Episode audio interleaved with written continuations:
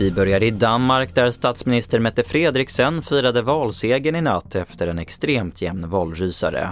Men trots segern kommer Fredriksen att lämna in en avskedsansökan för den nuvarande regeringen.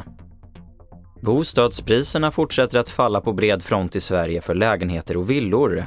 Sen toppen i våras har villapriserna i Storgöteborg gått ner med nästan 19 procent sammanlagt.